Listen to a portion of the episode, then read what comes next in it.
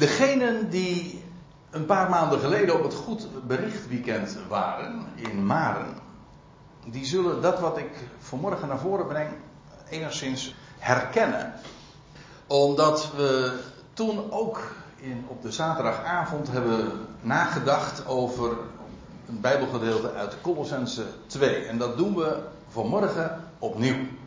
Alleen toen had ik het wat onbevredigende gevoel dat ik iets had aangesneden. Eh, wat ik slechts heel ten dele kon bespreken. En ik moest daar veel te vluchtig uh, overheen en doorheen. Dus ik heb toen uh, al me voorgenomen, daar moet ik bij gelegenheid toch nog eens een keertje wat meer op inzoomen. En nadien, nadien bleek het trouwens ook, want sommigen vonden het wat al te veel toen, die avond. Dus mijn vermoeden was wel, die klopte wel, ja. Door contacten en banden. En die uitdrukking vindt u, nou ja, niet in alle vertalingen, daar moet ik eerlijkheidshalve er even aan toevoegen. Maar de uitdrukking is ontleend aan Colossense 2, vers 19, en we komen daar vanzelf wel bij uit. En u ziet, ik heb uh, er een eentje bij gezet, dat wil zeggen, het krijgt nog een vervolg straks. Ik bedoel, over twee weken, dan, uh, dan gaan we ermee verder. Want wat blijkt, deze uitdrukking, en dat wat daar in dat vers besproken wordt, dat komen we in de brief aan de Kolossers tegen, maar we komen het ook tegen in de Efezebrief. En dat is dus wat we de volgende keer met elkaar gaan bespreken, want om dat allemaal al in één keer te doen, dat vond ik een beetje te veel. En wat dan weer het uh, verband, om even in de terminologie te blijven, is tussen beide gedeelten. Nou, dat, dat is dan weer iets voor uh, de volgende keer. Door contacten en banden. En waar het over gaat is, dat kan ik alvast wel verklappen, het gaat erover wat wij als lichaam, als ecclesia, als gelovigen tezamen verbindt. Maar ook hoe dat verband en de contacten onderling, uh, hoe waardevol dat is. Sterker nog, hoe levensnoodzakelijk dat is. Dat klinkt wat overdreven, maar het is echt zo. Ik zal het straks ook laten zien. En ook hopelijk duidelijk maken. Nou, laten we eens uh, beginnen bij, ja, je moet toch ergens uh, aanvangen. Niet bij hoofdstuk 1, vers 1, maar wij beginnen bij vers 15 van het tweede hoofdstuk. Ik moet er eventjes misschien ter toelichting van het hele verband er ook nog even bij zeggen dat Paulus de Colossus, waar hij, hij, was nooit in Colosse geweest. Dat lezen we ook in de, in de brief. Hij had hun aangezicht nooit gezien. Maar zij hadden het evangelie ooit vernomen van een Epaphras, een goede bekende van Paulus. En waar hij ook uh, een heel puik getuigenis van gaf aan in deze brief. Maar zij hadden het van hem vernomen. En via Epaphras had Paulus ook, was hij op de hoogte gesteld. Paulus zat zelf gevangen. Maar hij was via Epaphras op de hoogte gebracht van de situatie daar in Colosse. En ook van dat wat daar dreigde. Want ze waren eh, enorm blij met het goede bericht wat zij hadden vernomen van Epaphras. En het droeg ook vrucht en ze groeiden. Maar er waren kapers op de kust. Dat wil zeggen, er waren geestelijke gevaren. Er waren mensen die hen wilden gaan judaïseren. Dat wil zeggen, wilden verjoodsen. Uh, een specifieke variant, in ieder geval onder rituelen brengen. En ze zeiden van ja, kijk, het idee wat zij brachten, en dat is heel verleidelijk. Het idee wat zij hadden, was wat die, die die predikers, uh, naar voren brachten. En waar ze door die, waardoor ze die ecclesie ook in verwarring brachten, was dit. Ze zeiden van kijk, jullie hebben nu uh, Christus aanvaard, jullie hebben het goede bericht vernomen, dat is geweldig, dat is mooi, maar weet je, je moet verder komen. En het is allemaal prachtig, maar als je je leven ook wil verder verrijken, dan moet je je ook gaan bezighouden met de Joodse bronnen van uh, de, de Bijbel. Want ja, die zijn er toch ook onmiskenbaar. En uh, God heeft toch niet voor niks ooit de de Sabbat en de, de feestdagen en al die instellingen en inzettingen gegeven. En trouwens, er was nog iets wat zij zeiden van, wat dacht je van al die filosofieën in de wereld? Dat zijn toch ook allemaal geen domme jongens geweest? En wat dacht je nou, die wijsheid die die filosofieën met zich meebrengen, daar zouden wij ook een, een graantje van moeten meepikken. Dat is, als daar ook uh, wijsheid in verborgen ligt, dan zouden we toch dom zijn om dat zomaar te laten liggen. Met andere woorden, ze zeiden van Christus is wel geweldig, oké, prima. Dus daar deden ze niks van af. Daar zie je ook hoe verleidelijk dat is om daarin dan mee te gaan. Ze zeiden alleen van om nog voller en completer te worden, zou je je ook moeten gaan verdiepen in die Joodse bronnen en ook die rituelen je eigen maken en ook uh, je licht eens opsteken bij de filosofieën en dergelijke. Als je even met me meegaat, ik had er eigenlijk even een vers uh, van moeten weergeven, Colossense 2 vers 8. Daar staat dit. Eigenlijk is het een, min of meer een, een sleutelvers, ook in uh, dit, deze brief. Daar staat dit. Ik lees nu even voor uit de NBG-vertaling. Zie toe dat niemand jullie uh, meeslepen door zijn wijsbegeerte, door zijn filosofie, dat is wat het, het woord wat er letterlijk staat, en door ijdel bedrog in overeenstemming met de overlevering, de tradities van mensen. Met de eerste beginselen van deze wereld en niet met Christus. Ja. Want, zegt Paulus er dan bij, in hem wordt heel de volheid van de Godheid lichamelijk. En jullie zijn compleet voleindigd in hem. Hoezo? Van Christus is goed. Maar om compleet te worden moet je je licht elders gaan opsteken. Hoezo? Je bent compleet in hem. Waar het om gaat is dat je gaat staan en blijft staan. Staan deden ze al. Maar dat je blijft staan op dat fundament. Want dat is eens voor altijd voldoende. Al genoegzaam. Dat is een beetje een oud Nederlands woord. Maar dat is het woord wat het perfect uitdrukt. Het is genoeg. Het is compleet genoeg. Al genoegzaam. Christus is alles. En Paulus legt dat hier ook uit. Dus uh, alles wat uh, die alternatieven aanboden, dat heb je absoluut niet nodig. Dat is wat Paulus uh, uitlegt. En hen ook op het hart bindt. Nou, en dan, zoals gezegd, haken we aan bij vers 15. En dan staat er dit. Hij, ik, deze vertaling zoals u weet, die sluit erg aan bij de, de interlineair, dus de woord voor woord weergave. En, staat hij nou op scherp? Nee, zo is die wel. We moeten wel uh, scherp zicht hebben op de tekst natuurlijk. Hè? Wat denk je nou? Uh, daar staat, hij kleedt de overheden en de autoriteiten uit. Dat, uh, het staat er in een, in de aorist, wil zeggen in een tijdloze vorm. Dus het gaat er niet zozeer om wanneer hij dat doet, maar het feit wordt gesteld. Hij, hij kleedt de overheden en de autoriteiten uit.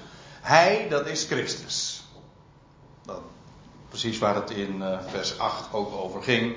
Zo ook wordt benoemd. En dat is degene, en dat las je dan in vers 12. Kijk het maar eens even na. Dat is degene die door God uit de doden werd opgewekt. Als eersteling. En dan is hij kleedt de overheden uit. En dat, dat is een wat uh, merkwaardige term. Als je de, de Statenvertaling, die zegt dat uiteraard nog wat ouder Nederlands. Hij heeft de overheid, hij heeft als iets wat al gebeurd is, dat is niet helemaal correct, maar hij heeft de overheden uitgetogen. Nou, zo zeggen we dat niet meer in 2019 in Nederland, maar toch. Uh, in de Statenvertaling staat ontwapend. Maar ontwapenen is feitelijk ook uitkleden, alleen dan is het specifiek je kleed een militair uit, zeg maar. En feitelijk is dat helemaal geen gekke gedachte, want het gaat hier over het uitkleden van de overheden en autoriteiten. Die inderdaad dus bewapend zijn. Dus het hele idee van ontwapenen is helemaal niet gek.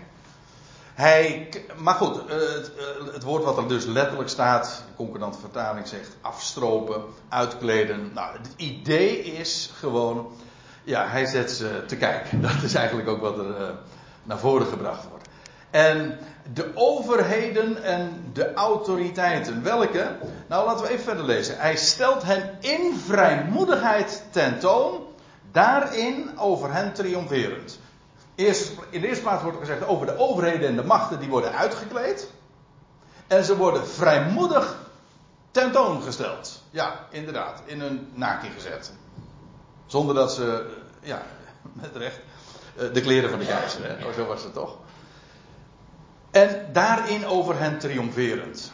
Kijk, en waar het hier over gaat, is precies die gebeurtenis die in vers 12 beschreven was, namelijk dat God hem uit de doden heeft opgewekt. Want wat gebeurde? Dat is zo schitterend zoals dat in dit vers ook naar voren gebracht wordt.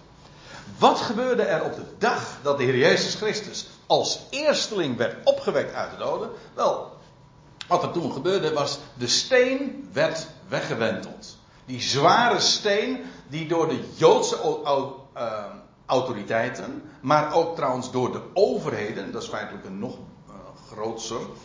Uh, je hebt de overheden en de autoriteiten. Autoriteiten die hebben volmacht gekregen, dus altijd van een instantie die nog weer hoger is. Nou, de Joodse overheden, de, de die hadden weer hun gezag gekregen van de Romeinse overheid. Wel, die steen, die zware steen voor het graf, inclusief de verzegeling van, de, van het graf. De verzegel, het was een verzegeld graf, dat wil zeggen, het zegel van de Romeinse keizer uh, was daar uh, aan verbonden.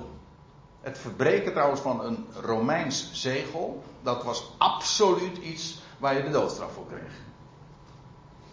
Daar komt trouwens nog bij, want er was ook nog eens een keer uh, door de Joodse autoriteiten gevraagd aan de Romeinse overheid, aan Pilatus in dit geval, om een Romeinse eh, wacht. En die is daar toen ook nog bijgekomen. Nou, wat is er gebeurd op de dag van de opstanding? Toen werd de steen weggewenteld. Dat wil zeggen, toen werd de, de, het zegel verbroken. Het Romeinse zegel werd verbroken. Dat wil zeggen, de overheden en de autoriteiten werden te kijk gezet. En ik vind het toch, dat is echt eigenlijk pure humor natuurlijk. Dat bij een gebeurtenis waar feitelijk dood het gevolg van zou moeten zijn. Nu juist de dood is overwonnen en het leven triomfeert. Nou, dat is wat er gebeurde. De dag van de opstanding, toen werden de Romeinse autoriteiten, eh, de Romeinse overheid, maar ook en eventueel zou je daar ook nog onder kunnen verstaan de overheden en machten in de hemelse gewesten. Maar laten we het even concreet aards houden, want zo is het namelijk ook. Toen, op die dag, werden de overheden en de autoriteiten gewoon openlijk tentoongesteld. Door de, de steen die werd weggewenteld. En zo werden ze tentoongesteld en daarin over hen triomferen. Hij is de eersteling van een nieuwe schepping. Hij is de echte eersteling, de first, de voorste, de vorst, de koning. Degene die voorop gaat en die waar, eh, zoals we zojuist trouwens ook in het gebed eraan dachten, dat hij degene is eh, die een garantie is dat de rest zal volgen. En dat is wat een vorst ook waar daadwerkelijk geacht wordt te zijn. Die voorop gaat zodat de rest volgt. Wel, hij heeft de overheden en de autoriteiten uitgekleed en vrijmoedig tentoongesteld, daarin over hen triomfeert. Dit gaat dus over een historische gebeurtenis, waarbij inderdaad de overheden en machten volledig onwerkzaam gemaakt zijn. Ze konden hier niks tegen doen. Terwijl degene die dit had gedaan, de doodstraf verdiende, had hij in werkelijkheid de dood overwonnen en hij was onaantastbaar. Daar kon niets tegen gebeuren. Nou, eh, over die Christus, over die triomf, over die overwinning, waar het hier over gaat.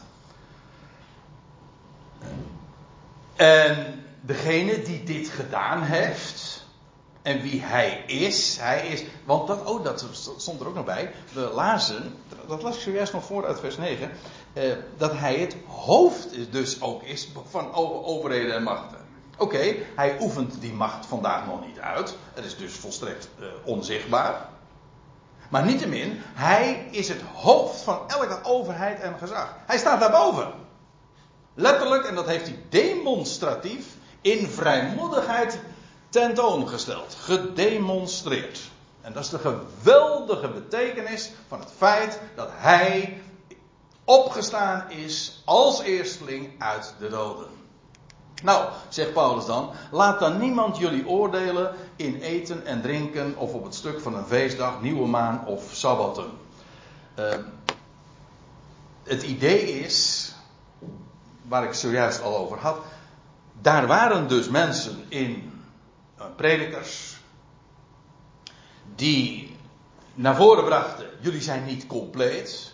Wel, zegt Paulus, hij is alles. Hij staat boven alles. En jullie zijn compleet in hem. Nou, als dat zo is, als jullie voleindigd zijn in hem, laat dan niemand jullie oordelen als het gaat om eten en drinken, wat je nou wel en wat niet mag eten, wat wel kosher en, en niet kosher is, of op het stuk van een feestdag, een hoogtijdag, bijvoorbeeld een nieuwe maan, elke u weet, in de, op de Joodse kalender was het zo geregeld dat de, dat was trouwens prima. Ik bedoel, God had dat inderdaad aan zijn volk, aan Israël, ooit gegeven. En elke eerste van de maand, als, als de nieuwe maan uh, was, als de nieuwe maand aanbrak, of uh, bij elke laatste dag van de week, de Sabbat, wel, dat waren allemaal hoogtijdagen, die werden in ere gehouden. Wel, die prekers die zeiden, die dingen moeten jullie ook onderhouden. En dat betekent ook uh, dat als je het niet doet, ja, dan, dan ben je dus eigenlijk minder. Dan ben je nog niet zo ver. Dan kun je, dat kun je trouwens nog subtieler doen, want dan kun je namelijk vertellen van, nou het is niet slecht, maar je bent nog niet zo ver als wij. Dat. Dat is haast, als je er even over nadenkt, nog, juist subtieler, maar het werkt nog beter. Je bent nog niet zo ver. Maar je laat je dan oordelen, want jij bent, omdat jij dat niet doet, feitelijk minder. Omdat jij niet koosje eet niet koosje drinkt. En, en niet aan die bepaalde dagen houdt of de kalender. En ik zou zeggen, lieve mensen, dat wat hier staat, dat, dat noemen ze judaïseren. Nou, ze noemen ze in de gelaten brief, die term judaïseren, daar wordt, uh, die wordt gebruikt door Paulus in, in 2 vers Galaten 2 vers 14. Ja. Daar wordt gezegd de, van, dat, je, dat zij in Galatië zich lieten uh, verjoodsen. Judaïseren wil eigenlijk zeggen, je wordt tot een jood gemaakt, verjoodst. En er is trouwens vandaag een hele stroming, ook in de christenheid, die aan het judaïseren is. Messiaans christendom.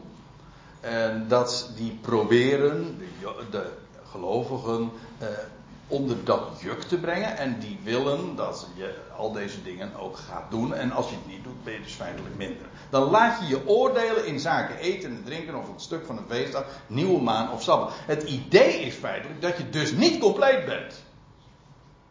In hem. Ik ken, ik ken hem.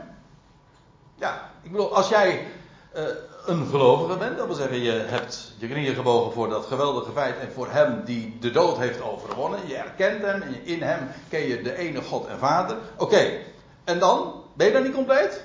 Is dat, is dat nog niet genoeg?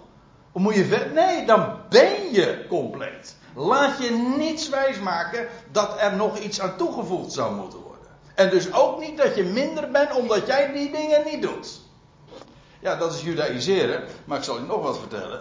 Want ik had het net over dat Messiaanse Jodendom, die dit eigenlijk ook heel duidelijk promoot. Feitelijk, de stroming die Paulus heel dikwijls in zijn brieven uh, bespreekt, namelijk judaïserende tendensen en predikers. Wel, dat heb je vandaag ook weer. Maar je hebt later in de kerkgeschiedenis, al vrij vroeg, kreeg je een andere trend. En dat was een, ja, ook weer feitelijk subtieler. Dat was niet zozeer verjoodsen, maar dat ging. Uh, het, het christendom had allerlei dingen van het jodendom overgenomen, maar ook weer getransformeerd. Ik bedoel, men had de sabbat overgenomen, alleen de sabbat was nu de zondag geworden. Dus de zevende dag werd verplaatst naar de, de, de, de eerste dag van de week. En, maar dezelfde regels die, die er verbonden waren aan de sabbat, die golden nu voor de zondag. Nou, ik zou zeggen, kijk eens om je heen. Hè. Ga eens naar uh, mijn woonplaats, uh, onze woonplaats Katwijk. Uh, dan zie je dat, hoe dat werkt. En namelijk, daar wordt ook officieel, ja, er wordt de tien geboden, het oude verbond wordt elke zondag voorgelezen. Gedenk de Sabbat dat het gedien heiligt. En al die kerkgangers die denken van, gedenk de Sabbat dat, dat gedien heiligt. Dat is vandaag de zondag natuurlijk. Want ze hebben niet de Sabbat gevierd. Dat is judaïseren. Als je dat doet. Maar eh, als je zegt van ja, het is zondag. En in feite diezelfde dingen die uh, van de Sabbat uh, overhevelt op de zondag, heb je in feite hetzelfde verhaal. Dan ben je weer niet compleet. Want als jij dan op de zondag ja, dingen doet die je niet geacht wordt te doen, ja, dan ben je dus eigenlijk nog niet zo ver. Meestal zegt men het, dan ben je echt fout bezig. En dat is zondag. En dat geldt trouwens voor heel veel hoogtijdagen. En wat dacht je wat? Dat geldt trouwens voor een heleboel sacramenten de, het hele idee zelfs van sacramenten, van, van rituelen, zit daar allemaal in. Als je dat niet doet, ja, dan ben je dus minder. Nou, dan laat niemand je oordelen in eten, drinken of een stuk van een feestdag, nieuwe maan of zo wat. Dingen die een schaduw zijn van het komende. Dat wil zeggen, het zijn dingen die God ooit heeft gegeven. En waarom? Wel omdat ze een schaduw vooruit zouden werpen op datgene wat zou komen. Waarbij ik moet zeggen dat een schaduw in zichzelf duister is. Maar, ik moet erbij zeggen, het laat de contouren van het licht zien. Dat is een diep hoor, die ik nu zeg. Een schaduw in zichzelf is duister en toch verraadt het licht, want schaduw bestaat slechts bij de gratie van licht. En dus laat het ook de contouren van het licht zien. Al die dingen die God gaf in het Oude, Test, in het oude Testament, het Oude Verbond. Waar we het trouwens de vorige keer over hadden. Het Oude Verbond is beëindigd. Al die dingen van de eten, drinken, feestdag, sabbat, nieuwmaan, al die dingen. Die hebben een betekenis. Die zijn, dat zijn voorafschaduwingen, schaduwen van dat wat zou en van degene die zou komen. En, en dat geldt eigenlijk voor de hele offerdienst. Al die zaken. En hier noemt Paulus er een paar. Maar er zijn in werkelijkheid nog veel en veel meer. Het zijn allemaal schaduwen van dat wat zou komen. In zichzelf duister, maar het is een geweldig onderwerp om daar je mee bezig te houden, omdat het je dan vervolgens in de Tenach, in de Hebreeuwse Bijbel, in de wet van Mozes, dan zie je al hij die gaat komen. En met terugwerkende kracht, want dat, ja, inmiddels staan wij daarachter, hij is gekomen. En dan kijk je naar al die schaduwen en je ziet hoe schitterend die details allemaal zijn en hoe het perfect het allemaal zijn vervulling heeft gevonden in hem die inmiddels gekomen is. Dingen die een schaduw zijn van het komende. En wat is dan het komende? Nou, dat komende. Het lichaam is van Christus. In feite wat die schaduwen deden, is eh, het een schaduw vooruitwerpen op degene die zou komen, namelijk Christus. Het staat hier trouwens nog wat anders. Het, is, het lichaam is van Christus. Dus het is niet alleen Christus het hoofd, maar het gaat ook nog over zijn lichaam. En dat, trouwens ook een hele diepe.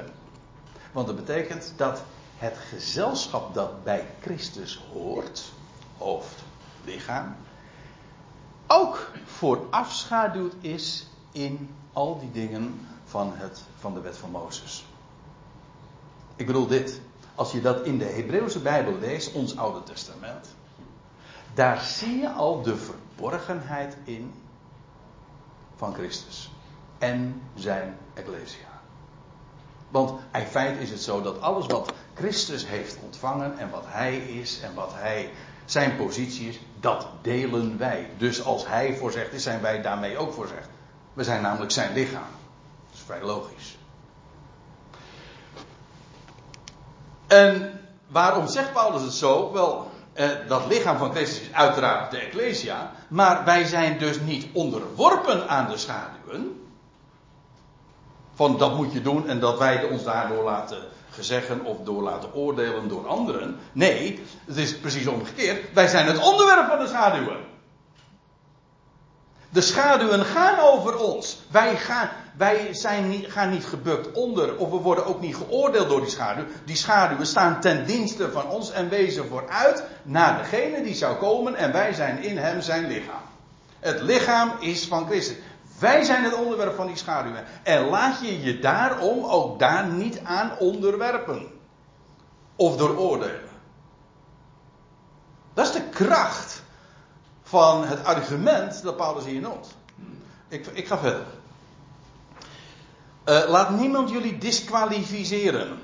Ja, staat dat woord ook in de Bijbel. Ja, uh, ik zal het even laten zien. Er staat letterlijk, als je het in het Grieks, uh, ja, is, dat, vind je niet in Van Dalen. Maar als je het eventjes in zijn elementen zeg maar opbreekt, dan staat er eigenlijk neerwaarts, kata, en dan scheidsrechteren. Bij ons is dat geloof ik geen werkwoord, hè, scheidsrechteren. Ja, jij bent uh, sportjournalist. Heb je het wel eens gebruikt in je columns? Nee, scheidsrechter. Wat doet een scheidsrechter? Nou, scheidsrechteren. Zoiets. En als, die, en, als die, en als die trouwens dit doet, dan is dat neerwaarts scheidsrechter. En het idee is dat hij dan als scheidsrechter beslist tegen. Hm? Dat, is, dat neerwaarts is, heeft de betekenis van, van, uh, ja, van vernedering, maar in feite van uh, een, tegenbeslissing, uh, de prijs ontnemen. Hè? Je wordt gedisqualificeerd. Als je trouwens in de NBG-vertaling kijkt, dan staat er van laat niemand je de prijs doen missen. Nou, dat is in feite wat een disqualificatie is. Namelijk als scheidsrechter uh, wordt, uh, word je beoordeeld als gedisqualificeerd. Nou, laat niemand je disqualificeren, zegt Paulus voorgaande vers was, laat niemand je oordelen. Hier zegt, laat niemand je disqualificeren alsof jij nou niet gekwalificeerd zou zijn. Want je bent compleet in hem, vergeet dat niet. Vergeet dat never nooit, laat je nooit iets anders aanleunen. We hebben geen andere bronnen nodig. Dit, de schriften, in hem en in zijn woord, hebben we werkelijk alles. Nu zou Trouwens, dat is dezelfde brief, Colossense 1. Paulus zegt: Het is aan mij gegeven om het woord van God te completeren, te voleindigen. Dat wil zeggen, hij heeft de laatste hand gelegd aan de schriften. Het is nu compleet. Nou, dat is het woord van Christus. Wat hij aan hem, aan Paulus was ook toevertrouwd. En hij heeft dat compleet gemaakt. Hij heeft een groot aandeel ook gehad in het samenstellen en bij elkaar brengen van de boeken enzovoort. We hebben, de schriften zijn compleet. 70 boeken. Dat is het. Nou, dat is alles wat we ook nodig hebben. Laat niemand jullie disqualificeren. En dan staat erbij in gewilde nederigheid. Nederigheid is een mooie eigenschap, maar dit hier niet. Het is namelijk gewilde nederigheid. Gespeelde namelijk ook. Eh, want het is je, je wordt gedisqualificeerd door mensen die, uh, die, zich die jou onderwerpen aan. Uh, en wat is die nederigheid en waar, hoezo onderworpen aan wat? Wel aan het ritualisme van, ritualisme van de boodschappers. Ja, nou moet ik eventjes iets uh, rechtzetten. De NBG-vertaling geeft dit woord weer met engelenverering. De Statenvertaling weet ik even niet, heb ik niet nagekeken. Er is niemand die uh, even meeleest. Maar maakt niet uit. Het, letterlijk, u ziet het trouwens hier. Het, hier staat een woord dat de godsdienstige praktijken, maar dat zijn rituelen. Rituelen van de boodschappers. Men heeft bij boodschappers gedacht aan engelen. Maar dan gaat het, het gaat hier gewoon over concrete boodschappers. En wat brachten ze? Wel allerlei godsdienstige praktijken. Rituelen, het ritualisme. Het ritualisme van de boodschappers. En feitelijk is dat precies waar we het uh, in het voorgaande vers ook over hadden, namelijk mensen die predikten, in dit geval Joodse gebruiken, maar ook wat dacht je van christelijke gebruiken, allemaal godsdienstig, rituelen. ook rituelen, wat dacht je van uh, een druppeltje water, of voor mijn part een heel, uh, heel waterbassin, of van een kalender bijhouden, allemaal rituelen. En als je in het ene segment van het christendom komt, heb je weer andere rituelen dan in het andere segment. In het ene segment heb je ook meer rituelen dan in het andere segment. En, er zijn kleuren en smaken plenty.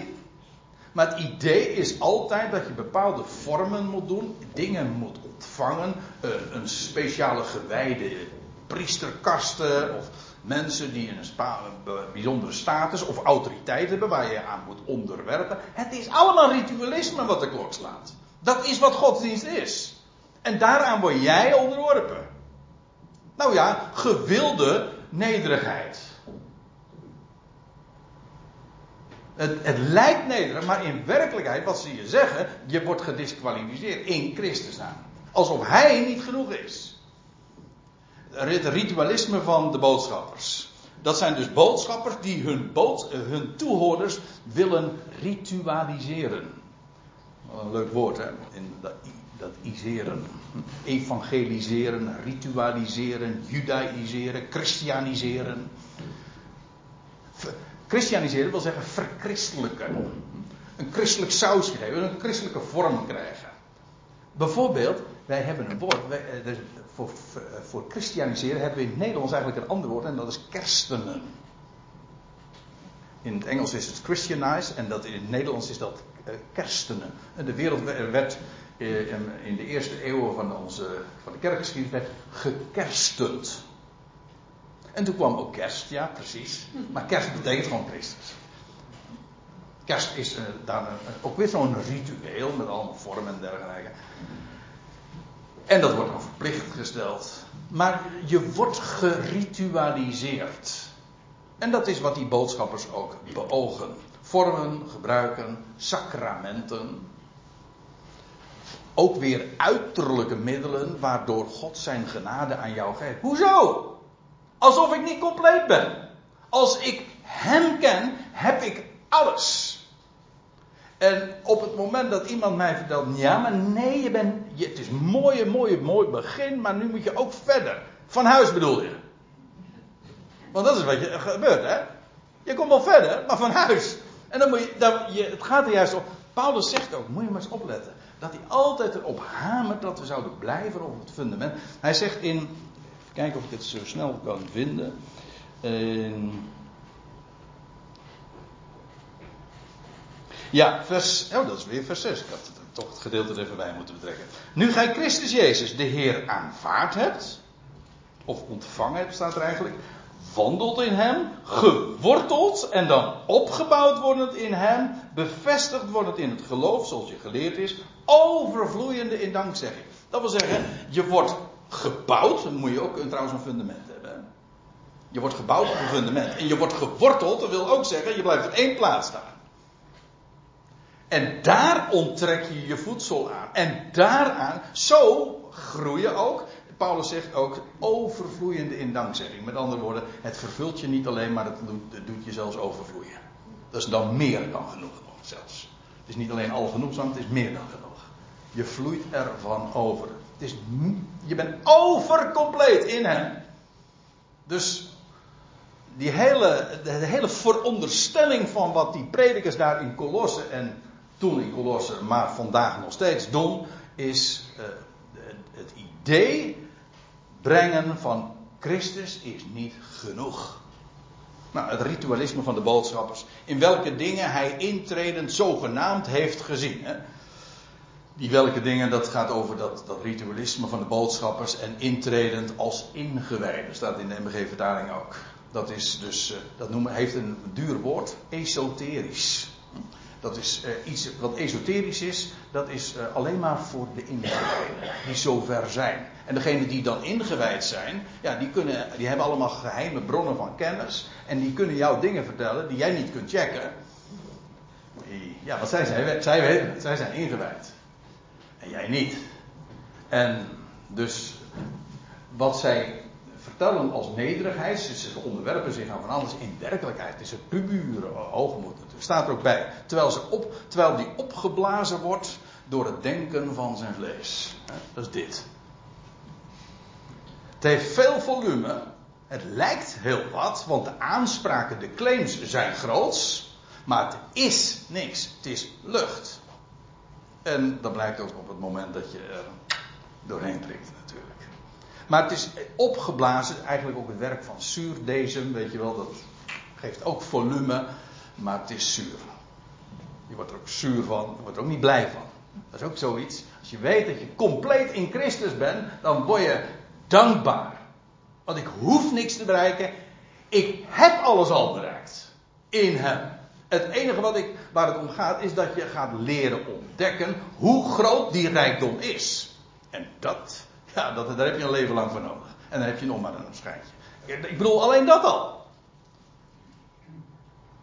Gaan on, leren, beseffen, ontdekken. Het is een, ontdekkingsreis. Het is een, een, een, wereld op zich. Die er, werelden die te ontdekken zijn en te gaan leren zien hoe enorm groot de waarde en de rijkdom daarvan is. Ja, terwijl die opgeblazen wordt door het denken van zijn vlees. En zich, en nou komen we bij het vers waar ik eigenlijk wilde aankomen. Ik heb een lange aanloop nodig. Maar goed, ik heb nog een, uh, ik heb nog een uh, zondag voor mijn rekening. Dus. Maar nu begrijp je het wel, denk ik, wat beter. Door het voorgaande zo er even goed bij te betrekken. Terwijl die zich niet houdt aan het hoofd. Ja. En we zagen in vers 9 ik heb het al even voorgelezen, maar ik doe het bij deze nog. Want in Hem, Christus, de opgewekte, in Hem woont al de volheid van de Godheid lichamelijk. Wil je iets van God vinden, dan is het bij Hem, want dat, dat is namelijk in Hem compleet. En jullie zijn compleet voleindigd, zegt, geloof ik de MBG-vertaling, compleet volledig in hem die het hoofd is. Van alle overheid en autoriteit. Dus hoezo je onderschikken aan, die, uh, aan, aan allerlei instanties, instituten die gezag over jouw menen te moeten hebben. Hij is het hoofd. Hij is trouwens bovendien het hoofd van het lichaam. Ik ben verbonden met hem. Organische band is dat. Niet organisatorisch, maar organisch. Een levende band. een levende Christus. Inderdaad, is ook een van de thema's van deze brief. Verborgen, dat is waar. Maar niettemin, eh, wij zijn compleet in Hem die het hoofd is van alle overheid en macht. Ja, en dat betekent dus dat waar het om gaat, is dat je aan Hem je houdt, vasthoudt. Want aan Hem uh, en bij Hem is alles te vinden. Ik lees even verder. En zich niet, degene die dus zich laat ritualiseren en zijn oren laat hangen naar de ritualisme van de boodschappers en nou ja, dat soort dingen. Wel, die houdt zich niet aan het hoofd. Van waaruit, dat wil zeggen vanuit het hoofd, het hele lichaam wordt voorzien. Het is eigenlijk een, een stukje biologie. Het hele lichaam, eh, dat eh, geldt eh, voor uw lichaam, dat geldt voor mijn lichaam. Mijn hele lichaam wordt georganiseerd, mooi woord, georganiseerd, vanuit het hoofd. En alles wat er plaatsvindt, gelukkig allemaal voor 99,9% onbewust, want je moet er toch niet aan denken dat je er allemaal aan zou moeten denken dat je hartslag, en dat, oh, nou moet er toch eventjes weer wat bloed gepompt worden naar mijn grote teen, nou, en dat soort dingen. Nee, dat gaat allemaal zomaar. Vanuit het hoofd. Het, het hele lichaam wordt voorzien vanuit het hoofd. Dus vertrouw nou maar, en dat is het idee, en wat Paulus hier zegt, op dat hoofd. Want het hoofd voorziet het lichaam, ja, van wat? Nou, eigenlijk van alles wat het nodig heeft, maar in de praktijk is het toch vooral van voedsel. Want het hele lichaam moet voorzien worden van voedsel. En feitelijk is dat, uh, dat is ook een subdoel. Want het gaat niet om voedsel, het gaat om energie. Hier namelijk dat kracht dus. Zodat het lichaam, want in feite leven is niks anders dan ja, vitaliteit is kracht. En op het moment dat de dood intreedt, is, is daar geen kracht meer. Ja, en dat wordt allemaal vanuit het hoofd zo geregeld. Het, het, het hele lichaam wordt voorzien ja, van kracht. Hoe? Wel door voedsel. En wat zou dat anders wezen, waar we nu het eh, even hebben over het hoofd, Christus, de Ecclesia, zijn lichaam. Hoe wordt dat voorzien? Wel, En van, nee, laat ik het anders zeggen. Van waar, uh, waarmee wordt het voorzien? Wie voorziet het? Het hoofd. Hoe moet je weten hoe dat allemaal werkt? Nee, helemaal niet. Dat, gelukkig niet. Dat weet het hoofd wel. Het hoofd is degene die, uh, die daarvoor zorgt. Maar en van wat voorziet hij? Wel van voedsel en daarmee van kracht, oftewel van energie. En dat is wat hij doet. En dat is niks anders dan zijn woord. Zijn woord is voedsel, maar zijn woord geeft ook kracht. Dat is wat het doet. Ja, nog veel meer. Maar het gaat nu eventjes om die, beeldspraak nog van hoofd en lichaam. Het hoofd dat het lichaam voorziet. Ja, hele lichaam ja, wordt voorzien van alles dus. Vanuit het lichaam. En nou komt het. Ja, we waren al in het vers aangeland. En nu komen we op die specifieke uitdrukking, de titel van deze toespraak en ook voor de volgende toespraak. Door contacten en banden. Eerst even het woord. Want uh, in, de, en, ja, in het Grieks staat hier het woordje hv. En dat is dan weer verwant, kijk het maar eens na, aan het woordje haptomai. En wat herken je dan? Haptonomie. En wat is hapto? Hapto, dat betekent, uh, ja, of het meervoud is dan aanrakingen. Uh, haptonomie, een haptonoom is inderdaad die zich, iemand die zich bekwaamt uh, in het aanraken. U zegt, dat is ook geen kunst.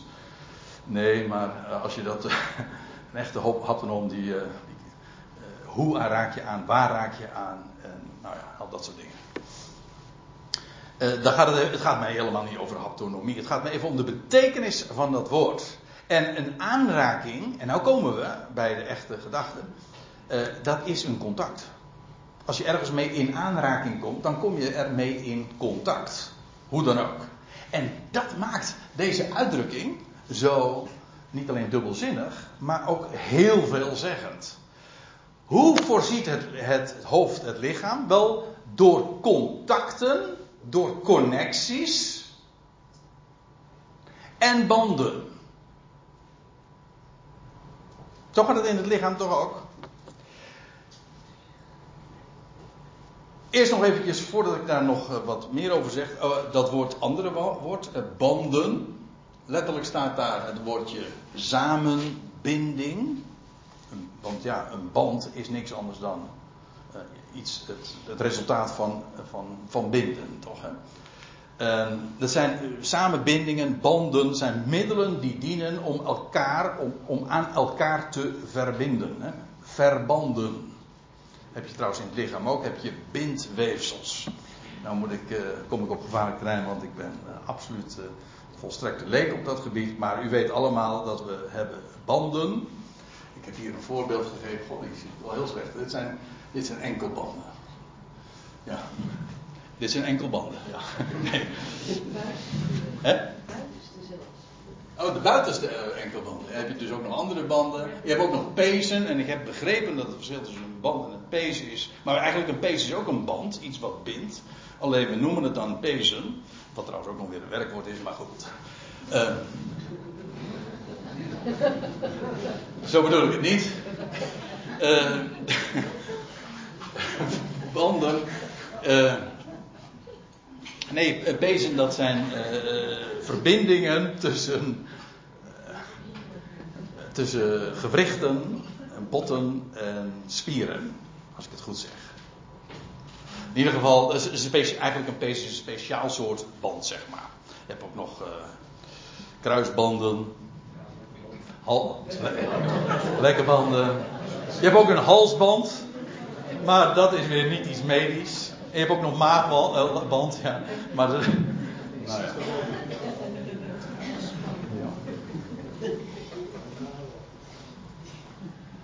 Ja, er zijn allerlei banden en verbanden. Maar gewoon het, woordje band en verband heeft eh, het werkwoord binden in zit. Dingen die gebonden worden. En laten we eventjes concreter worden. Want het gaat hier natuurlijk over een beeldspraak. Het hoofd voorziet het lichaam ja, van alles wat het nodig heeft. Oké, dat is duidelijk. Gewoon medisch gezien, biologisch gezien, zo u wilt.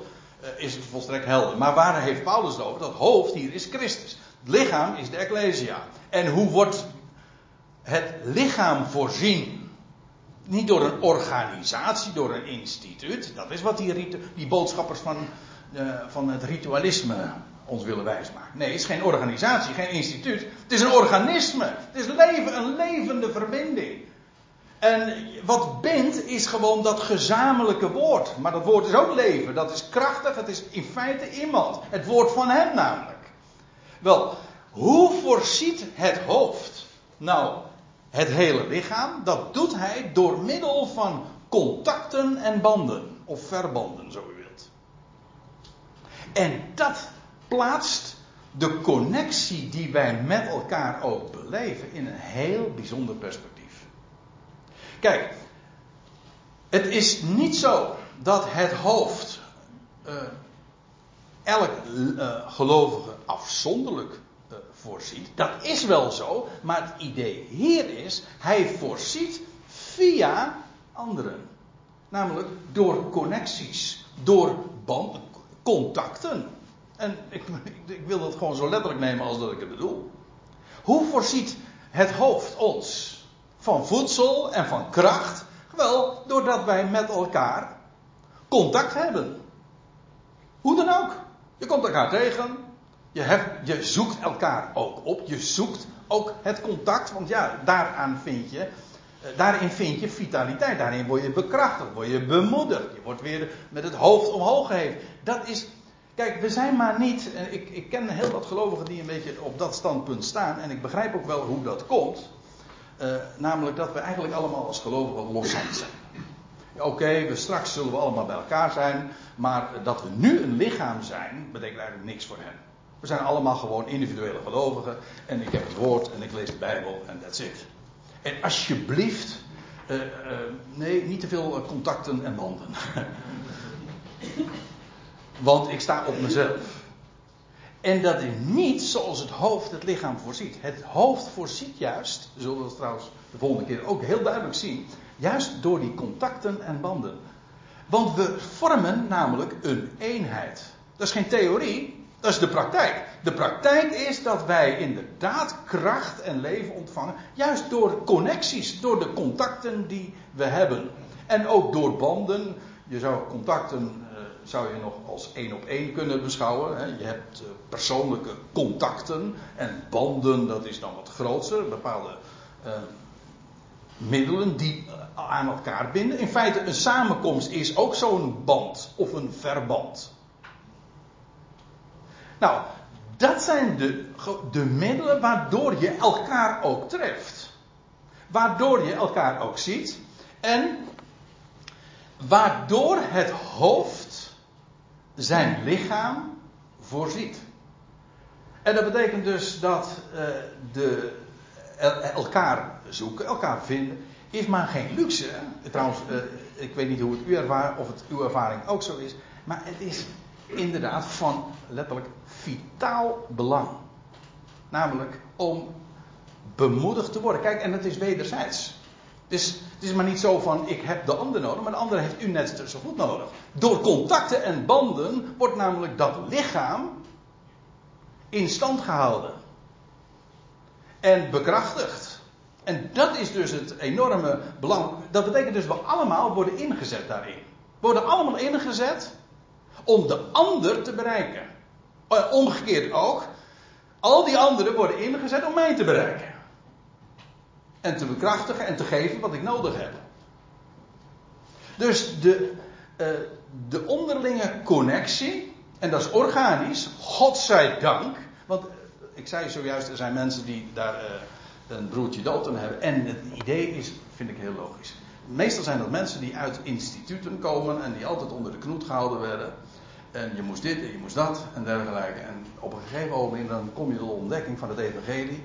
En dan zeg je van, het is toch compleet anders. En eigenlijk helemaal afgeknapt zijn uh, op ja, mensen in het algemeen. Daar komt het op neer.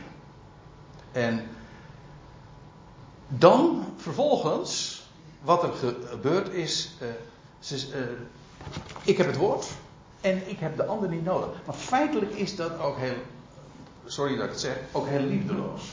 Als je zegt, ik heb de ander niet nodig, want je, je feitelijk ook zegt, de ander heeft mij niet nodig. Dat is niet waar. Want dat lichaam wordt namelijk in stand gehouden door contacten en banden. Zo doet dat hoofd dat.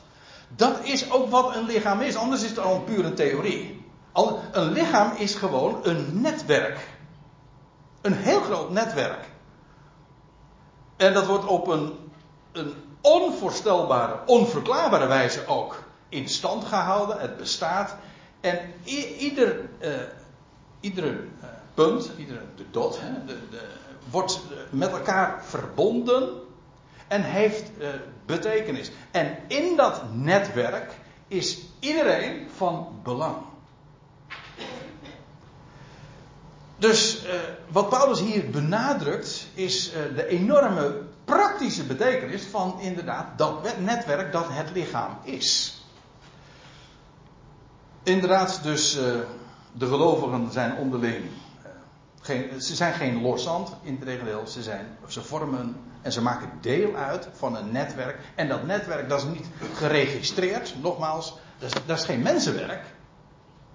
Het is niet zo van dat je eh, in een ledenlijst staat geregistreerd. Uh, Oké, okay, hij hoort erbij of zij hoort er niet. Nee, helemaal niet. Maar je vormt met elkaar een levend netwerk. Omdat je datzelfde woord, diezelfde rijkdom, diezelfde persoon kent. En dat deelt met elkaar.